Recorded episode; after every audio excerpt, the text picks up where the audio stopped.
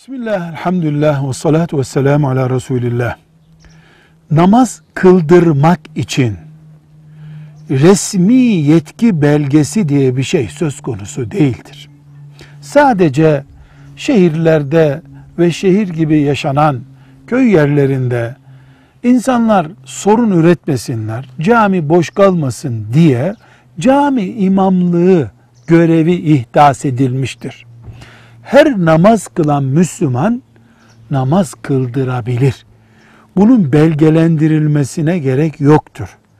Ama şu var ki devletin resmi imam tayin ettiği bir camide gelişi güzel herkesin mihraba geçirip namaz kılmasını konuşmuyoruz.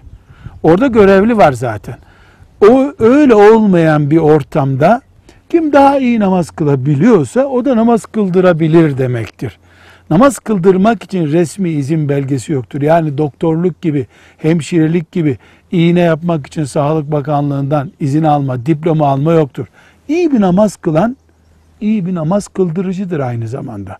Elbette bir yerde alim biri varsa o daha evladır. Hafız biri varsa, ilmuhal daha iyi bilen biri varsa daha öne geçer.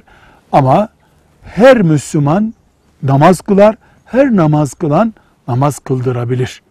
Velhamdülillahi Rabbil Alemin.